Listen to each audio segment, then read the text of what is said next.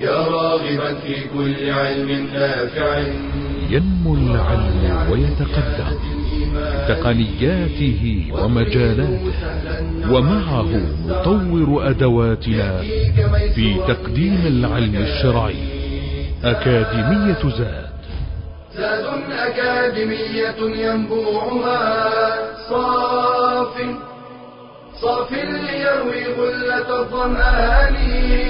وتعلم اللغة الفصيحة ورعاها بطريف أسلوب وحسن بيان. بشرى لنا زاد أكاديمية للعلم كالأزهار في البستان. بسم الله الرحمن الرحيم. الحمد لله رب العالمين والصلاة والسلام على أشرف الأنبياء والمرسلين نبينا محمد وعلى آله وصحبه أجمعين. مرحبا بكم أيها الإخوة والأخوات إلى هذا الدرس السابع من دروس اللغة العربية في أكاديمية زاد العلمية في الفصل الأول. درسنا سيكون استكمالا للدرس السابق. تحدثنا في الدرس السابق عن أقسام الاسم من حيث آخره باعتبار آخره باعتبار الحرف الأخير في, في الاسم. فقلنا إن الاسم ينقسم إلى أربعة أقسام باعتبار آخره. القسم الأول الصحيح وهو ما كان آخره حرفا صحيحا ليس من حروف العلة ليس ألفا أو ياء. والقسم الثاني المقصور وهو ما كان آخره ألف مثل مصطفى وما أشبه ذلك. والقسم الثالث وهو الاسم المنقوص. وهو ما كان آخره ياء مثل القاضي والداعي. ونتحدث اليوم عن القسم الرابع وهو الاسم الممدود. الاسم الممدود. ما الذي يفيدنا تقسيم الاسم إلى هذه الأقسام الأربعة؟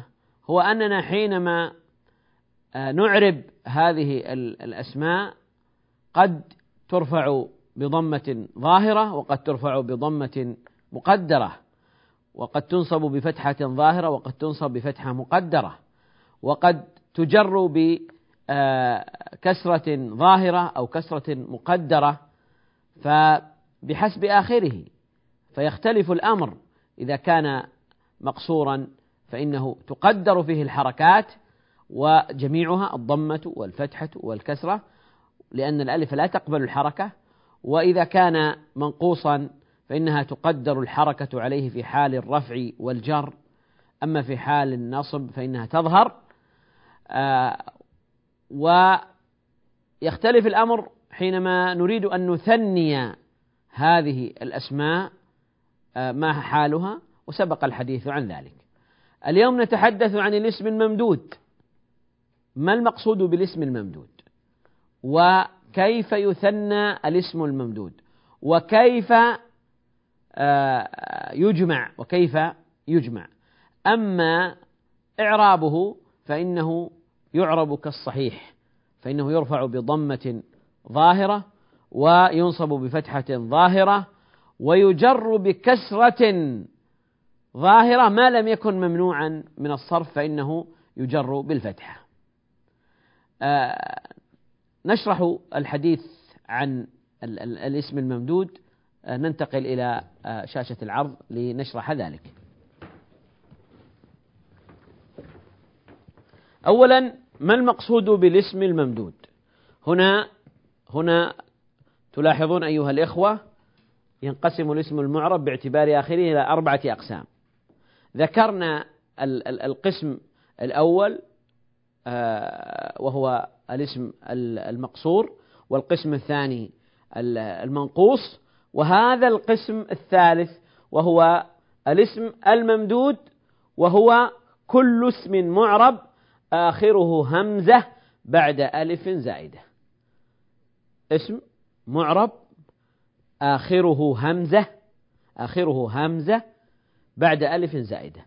أمثلته حسناء بناء خضراء صحراء عذراء وهكذا.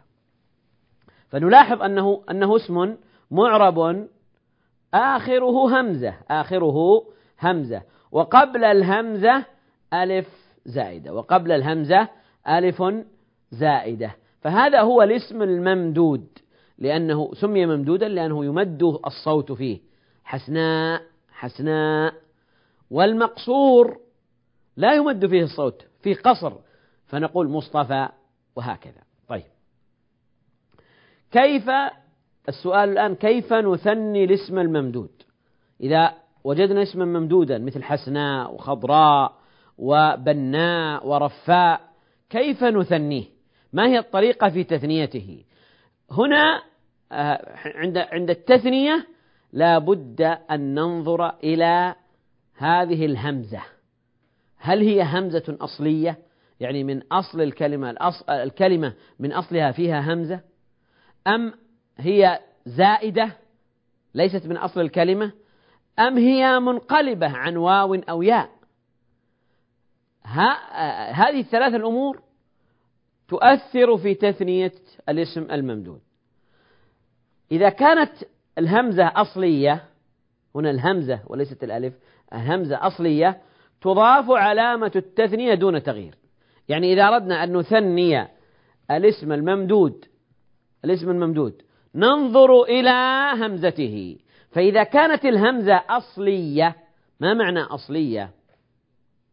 يعني أنها من الحروف الأصلية في الكلمة التي لا تتغير بتغير تصريف الكلمة واشتقاق الكلمة.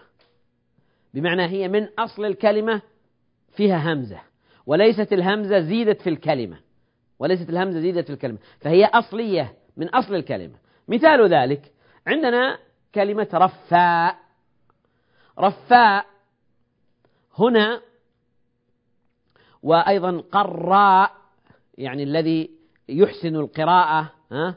قراء ورفاء. رفاء ما معنى رفاء؟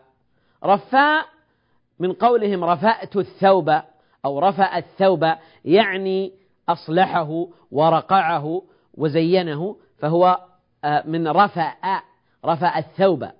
فنلاحظ أنه حتى في الفعل الذي اشتق منه هذا الاسم آه، آه، هو الهمزة موجودة فيه الهمزة موجودة فيه. فهذه الهمزة أصلية لا تسقط في أي حال من أحوال الكلمة لا تسقط. فهي أصلية فهي أصلية. فعندنا رفاء. إذا أردنا أن نثني رفاء هذا الذي يصلح الثوب أو يلأمه حينما ينشق الثوب يلأمه يسمى رفاء. هذا هذا الاسم همزته همزة أصلية من أصل الكلمة رفاء رفاء. فحينما نثني نبقي هذه الهمزة ولا نغيرها. ولا نغيرها ولا يحصل أي تغيير. فنقول رفاءان رفاءان. هذا في, حين في حال الرفع. في حال النصب أو الجر نقول رفاءين رفاءين. فنلاحظ هنا أن هذا الاسم لم تغير همزته. همزته باقية ولم تتغير. لم يحصل لها تغيير. لم تبدل واوا. لم تبدل واوا. وإنما بقيت لأنها أصلية لأنه من قولنا رفاءة الثوب. وكذلك قراء للقارئ الجيد المحسن للقراءة لأنه مأخوذ من قرأ يقرأ مأخوذ من قرأ يقرأ. فهنا القراء حينما نثني قراء نقول نقول قراءان وقراءين قراءان في حال الرفع وقراءين في حال النصب والجر. لأن المثنى يرفع بالألف وينصب ويجر بالياء. فنلاحظ في هذين المثالين أن الهمزة أصلية من أصل الكلمة ولذلك حينما نثني آه، نبقي هذه الهمزة ولا نغيرها ولا نغيرها. طيب إذا كانت الهمزة زائدة للتأنيث إذا كانت الهمزة زائدة للتأنيث بمعنى أنها زيدت على الكلمة للتأنيث كيف نثنيها؟ ما الذي يحصل عندما عندما نثنيها؟ هذا ما سنتحدث عنه بعد الفاصل إن شاء الله تعالى. بشرى لنا أكاديمية للعلم كالأزهار في البستان.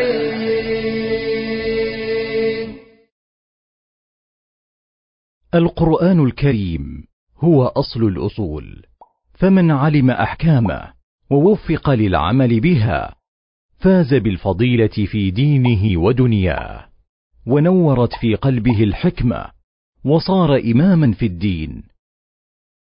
وقد كان العلماء سلفا وخلفا يبدأون طلب العلم بحفظ القرآن. قال ابن عبد البر ولا أقول إن حفظه كله فرض ولكن ذلك شرط لازم على من أحب أن يكون عالما فقيها. وطالب العلم يحرص على فهم القرآن وتعلم معانيه. قال سعيد بن جبير من قرأ القرآن ثم لم يفسره كان كالأعمى أو كالاعرابي وبالتدبر يستنبط الدقائق والأحكام ويستطيع تطبيق القرآن على الواقع بشكل صحيح وبه يحصل الخشية والخشوع. قال تعالى كتاب أنزلناه إليك مبارك ليدبروا آياته وليتذكر أولو الألباب. لذا ينبغي أن نهتم بمدارسة القرآن في المساجد والمدارس والدور المتخصصة في تحفيظ القرآن وتعليمه وينبغي أن نستخدم التكنولوجيا الحديثة في تعلم القرآن وتعليمه من خلال الإنترنت والفضائيات. فاعلم يا طالب العلم أن القرآن الكريم هو رأس مالك وهو أربح التجارات. قال تعالى إن الذين يتلون كتاب الله وأقاموا الصلاة وأنفقوا مما وأنفقوا مما رزقناهم سرا وعلانية يرجون تجارة لن تبور. بشرى لنا أكاديمية للعلم كالأزهار في البستان. بسم الله الرحمن الرحيم. نواصل أيها الإخوة الحديث عن الاسم الممدود. قلنا قبل الفاصل أنه إذا كانت همزته همزة أصلية فإن آه، فإننا حينما نثنيه نبقيه على حاله ولا نغير فيه شيئا وتبقى الهمزة لأنها أصلية. إذا كانت همزته زائدة للتأنيث يعني ال- ال- الكلمة آه، زيد عليها الهمزة زيدت عليها الألف والهمزة للتأنيث فهنا لا بد من إحداث التغيير عند التثنية. فحين حينما نقول صحراء وخضراء وحمراء هنا حمراء مأخوذ من الحمرة. إذا الحروف الأصلية ما هي؟ هي الحاء والميم والراء. الهمزة ليست من أصل الكلمة. الهمزة زيدت على الكلمة. وسبب الزيادة التأنيث. نريد التأنيث حمراء لأنه أحمر المذكر أحمر. وال وال والمؤنث حمراء حمراء. فهنا زيدت الهمزة من أجل التأنيث. فهذه الهمزة زائدة تختلف عن همزة رفاء لأن همزة رفاء أصلية. أما همزة حمراء وصحراء وحسناء حسناء مثلا مأخوذة من الحسن. فالهمزة ليست في أصل الكلمة ليست في أصل الكلمة. فإنما زيدت من أجل التأنيث. طيب عندما نثني هذا الاسم الممدود الذي همزته همزة همزة زائدة للتأنيث كيف نثنيه؟ نقلب هذه الهمزة واوا فنقول حمراوان حسناوان صحراوان. لاحظت؟ في حال الرفع في حال النصب حسناوين رأيت حسناوين. في حال الجر مررت بحسناوين وهكذا. فعندما آه، نثني الاسم الممدود الذي همزته زائدة للتأنيث نثنيه بقلب الهمزة واوا. بقلب الهمزة واوا كما نلاحظ. صحراء صحراوان في حال الرفع في حال الرفع وصحراوين في حال النصب والجر. طيب إذا كانت هذه الحالة الثالثة. إذا كانت همزته منقلبة عن واو أو ياء يعني الهمزة ليست أصلية بمعنى ليست ليست في أصل الكلمة وليست زائدة للتانيث وإنما هي منقلبة أصلها واو أو ياء فانقلبت إلى همزة. فانقلبت إلى همزة. كيف نثنيها؟ أولا ما أمثلة ذلك؟ حينما نقول بناء. بناء مأخوذ من الفعل ماذا؟ ما فعله؟ فعله بنى يبني. بنى يبني.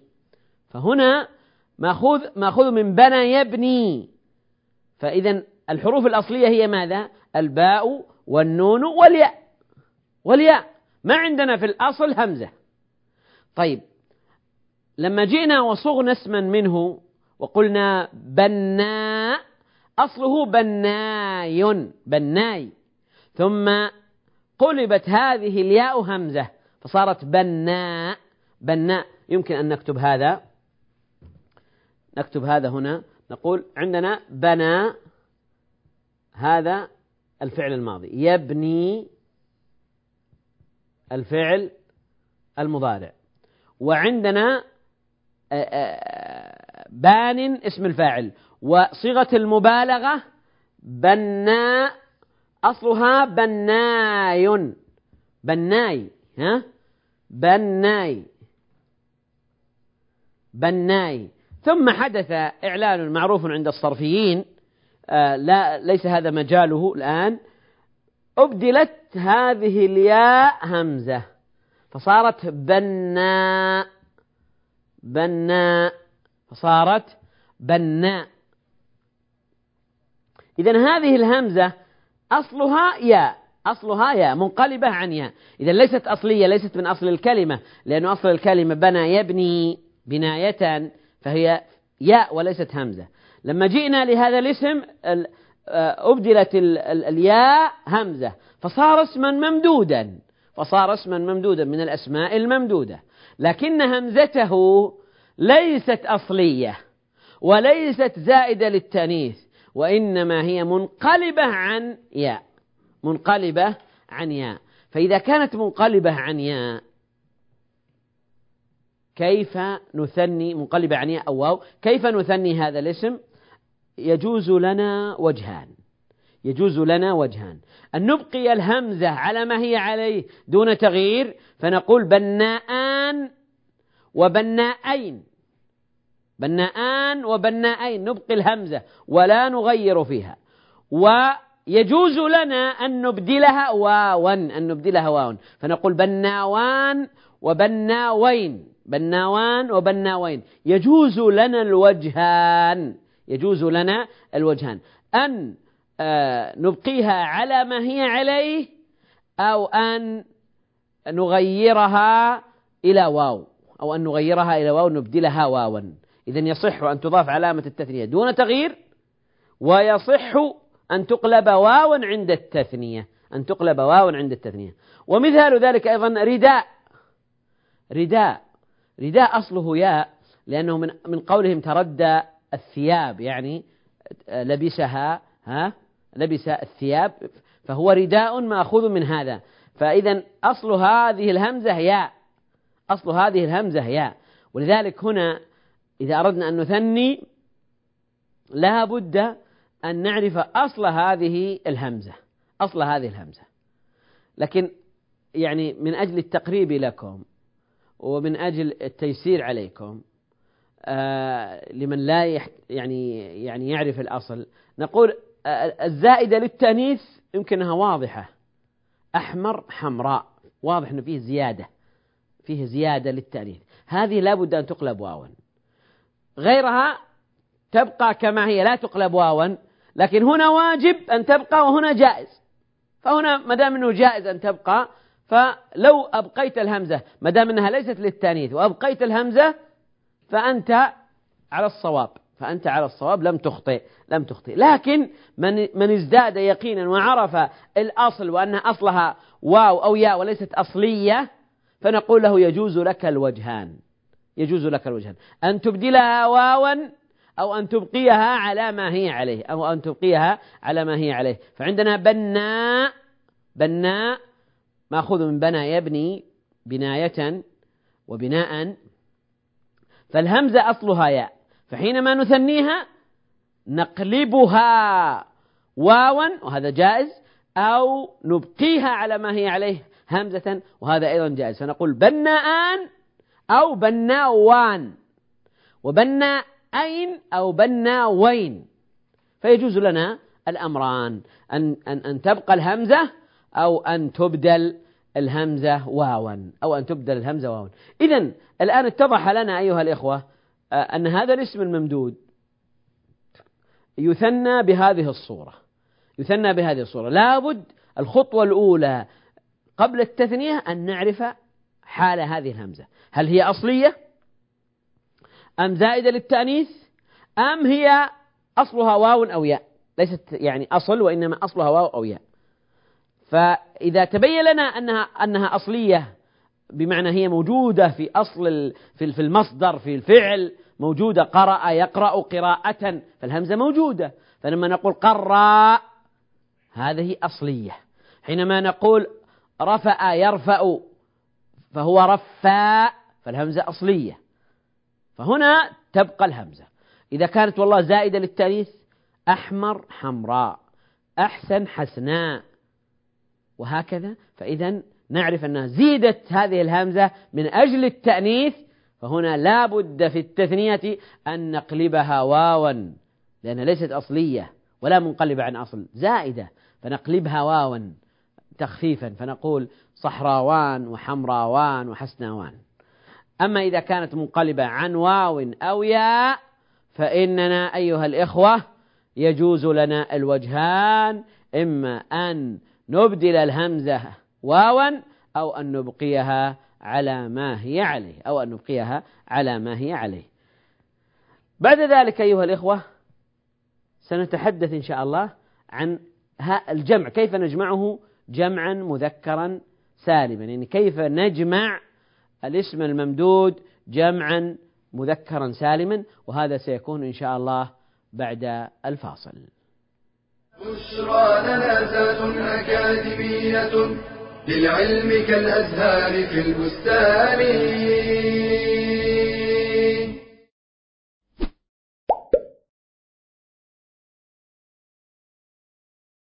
هل أنت حريص على رأس مالك؟ هل تحافظ عليه من الضياع؟ فرأس مالك الحقيقي هو الوقت. قال الحسن البصري: ابن آدم، إنما أنت أيام، كلما ذهب يوم، ذهب بعضك.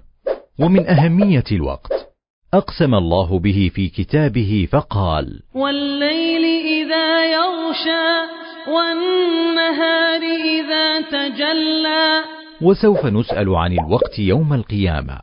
قال صلى الله عليه وسلم لا تزول قدم عبد يوم القيامة حتى يسأل عن عمره فيما أفناه الحديث وإذا أراد الله بالعبد خيرا أعانه بالوقت وإذا أراد به شرا جعل وقته عليه.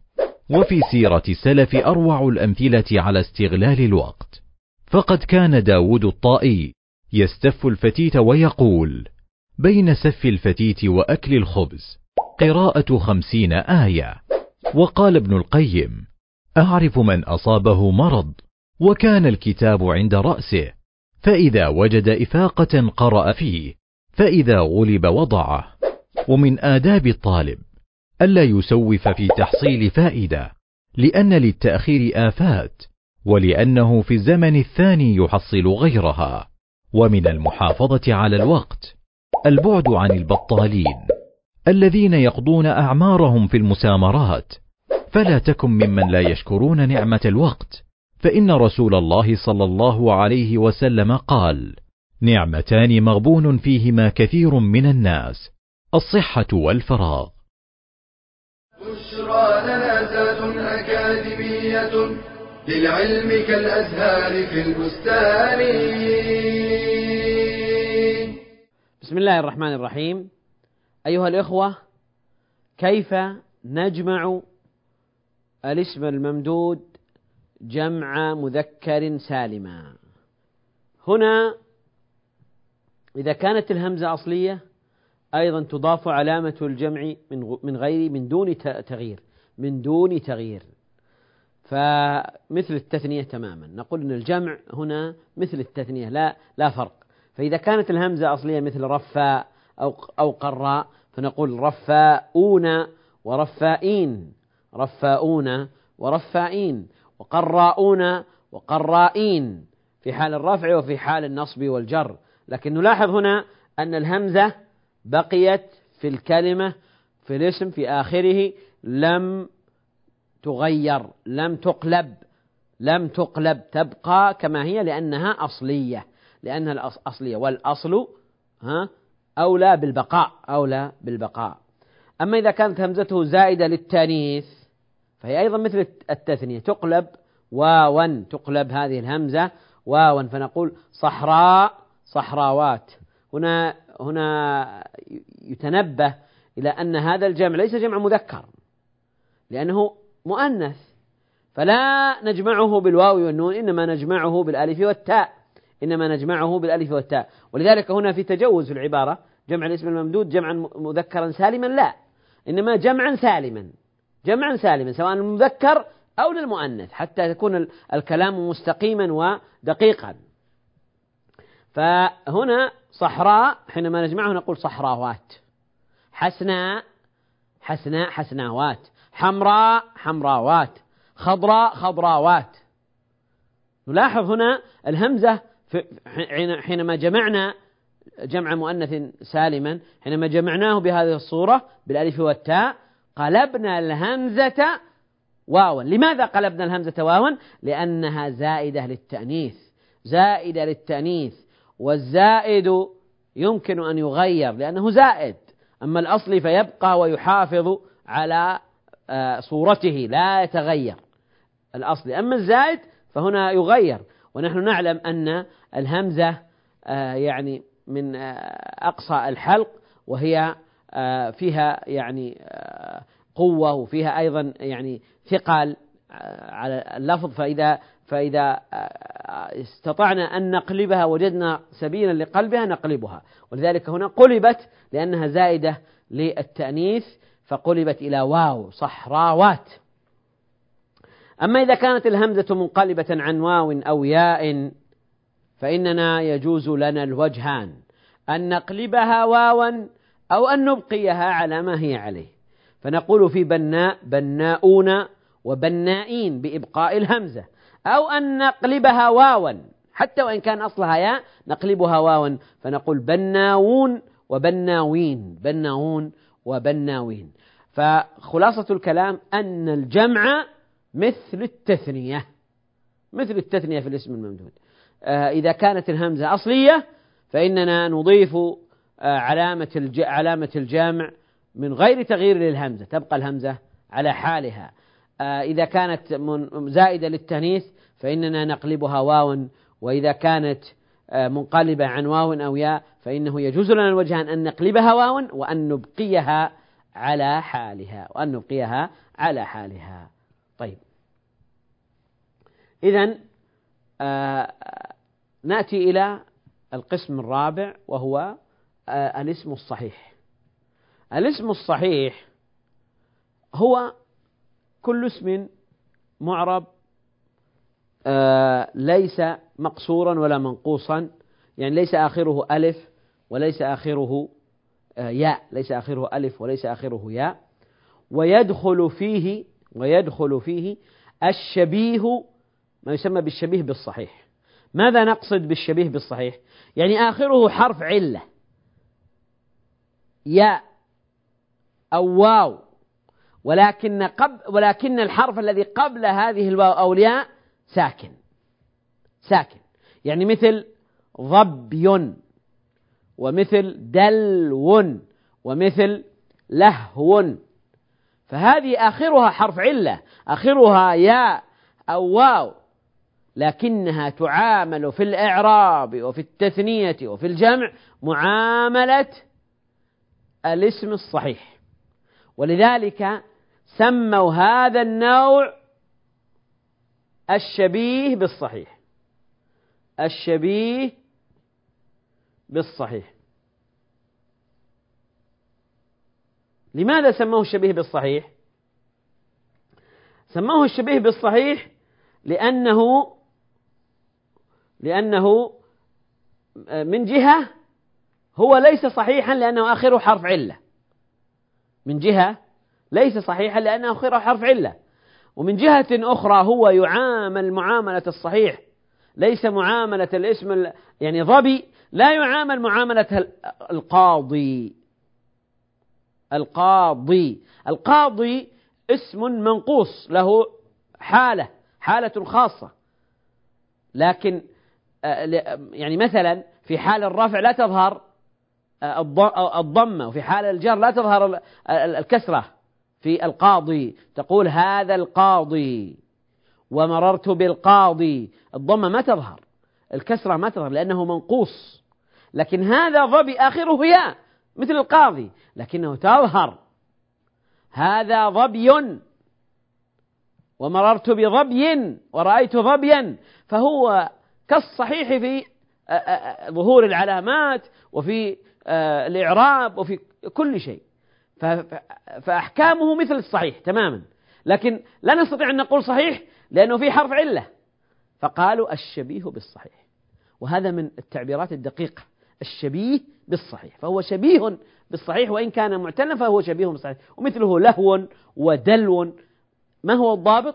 أن يكون آخره حرف علة وقبله ساكن. وقبله ساكن. هنا الباء ساكنة الباء ساكنة والهاء ساكنة والهاء ساكنة. الباء ساكنة والهاء ساكنة فهذا يسمى الشبيه بالصحيح يعني التعبير الدقيق. وهو يلحق بالصحيح يلحق بالصحيح. وكذلك عمر وبيت وغالب الأسماء غالب الأسماء أيها الإخوة هو من الصحيح. الممدود الممدود. تعاملنا في الإعراب معه مثل تعامل الصحيح. الاسم الممدود يعني مثلا رفاء وقراء وبناء حينما يعرب يعرب بضمة ظاهرة وبفتحة ظاهرة وبكسرة ظاهرة. فالإعراب إعرابه مثل إعراب الاسم الصحيح مثل إعراب الاسم الصحيح. طبعا آه، هل يعني نحن نقول أنه اسم ممدود لكنه إذا كانت أحرفه الهمزة أصلية فهو ليس معتلا صحيح. وإذا كانت الهمزة زائدة للتأنيث زائدة للتأنيث فأصوله صحيحة قد يكون صحراء الصاد والحاء والراء آه، حروف صحيحة. وأما إذا كان منقلبة عن واو أو ياء فإننا نعتبره معتلا نعتبره معتلا. لكننا في التعامل وفي الإعراب نعامله معاملة الصحيح. وهذا الذي يهمنا هذا الذي يهمنا أننا في الإعراب نعامله معاملة الاسم الصحيح. فيرفع بضمة ظاهرة وينصب بفتحة ظاهرة ويجر بكسرة ظاهرة. إلا إذا كان ممنوعا من الصرف مثل صحراء وحمراء هذا الذي فيه همزة للتأنيث فإنه يمنع من الصرف. فيجر بفتحة يصير ممنوع من الصرف لكنه هو يعامل معاملة الصحيح. كذلك الاسم الصحيح مثل عمر الممنوع من الصرف فإنه يجر بالفتحة أيضا. فإذا الاسم الممدود يعامل معاملة معاملة الاسم معاملة الاسم الصحيح يعامل معاملة الاسم الصحيح. إذا خلاصة الكلام أيها الإخوة أن الأسماء على أربعة أقسام الصحيح وهو الغالب والأكثر ويلحق به الشبيه بالصحيح الشبيه بالصحيح مثل ظبي له دلو والاسم المقصور وهو ما كان آخره ألف لازمة قبلها فتحة وهذا مصطفى وما أشبه ذلك وكذلك آه، ما كان آخره ياء وهو المنقوص هذا النوع الثالث الاسم المنقوص ما كان آخره ياء مثل الداعي والقاضي والرامي والمحامي وما أشبه ذلك. فآخره ياء آه، لازمة قبلها كسرة. قبلها كسرة. لابد أن يكون قبلها كسرة. آه، النوع الرابع وهو الاسم الممدود وسبق الحديث عنه. هذا ما آه، يعني يتعلق بأقسام الاسم باعتبار آخره باعتبار آخره. ينقسم إلى أربعة أقسام ذكرناها وبهذا نكون أنهينا الحديث عن الاسم وأقسامه. أستودعكم الله. والسلام عليكم ورحمة الله وبركاته. تلك العلوم دروسها ميسورة في صرح علم الراسخ الأركان. بشرى لنا بشرى لنا بشرى لنا ذات أكاديمية للعلم كالأزهار في البستان.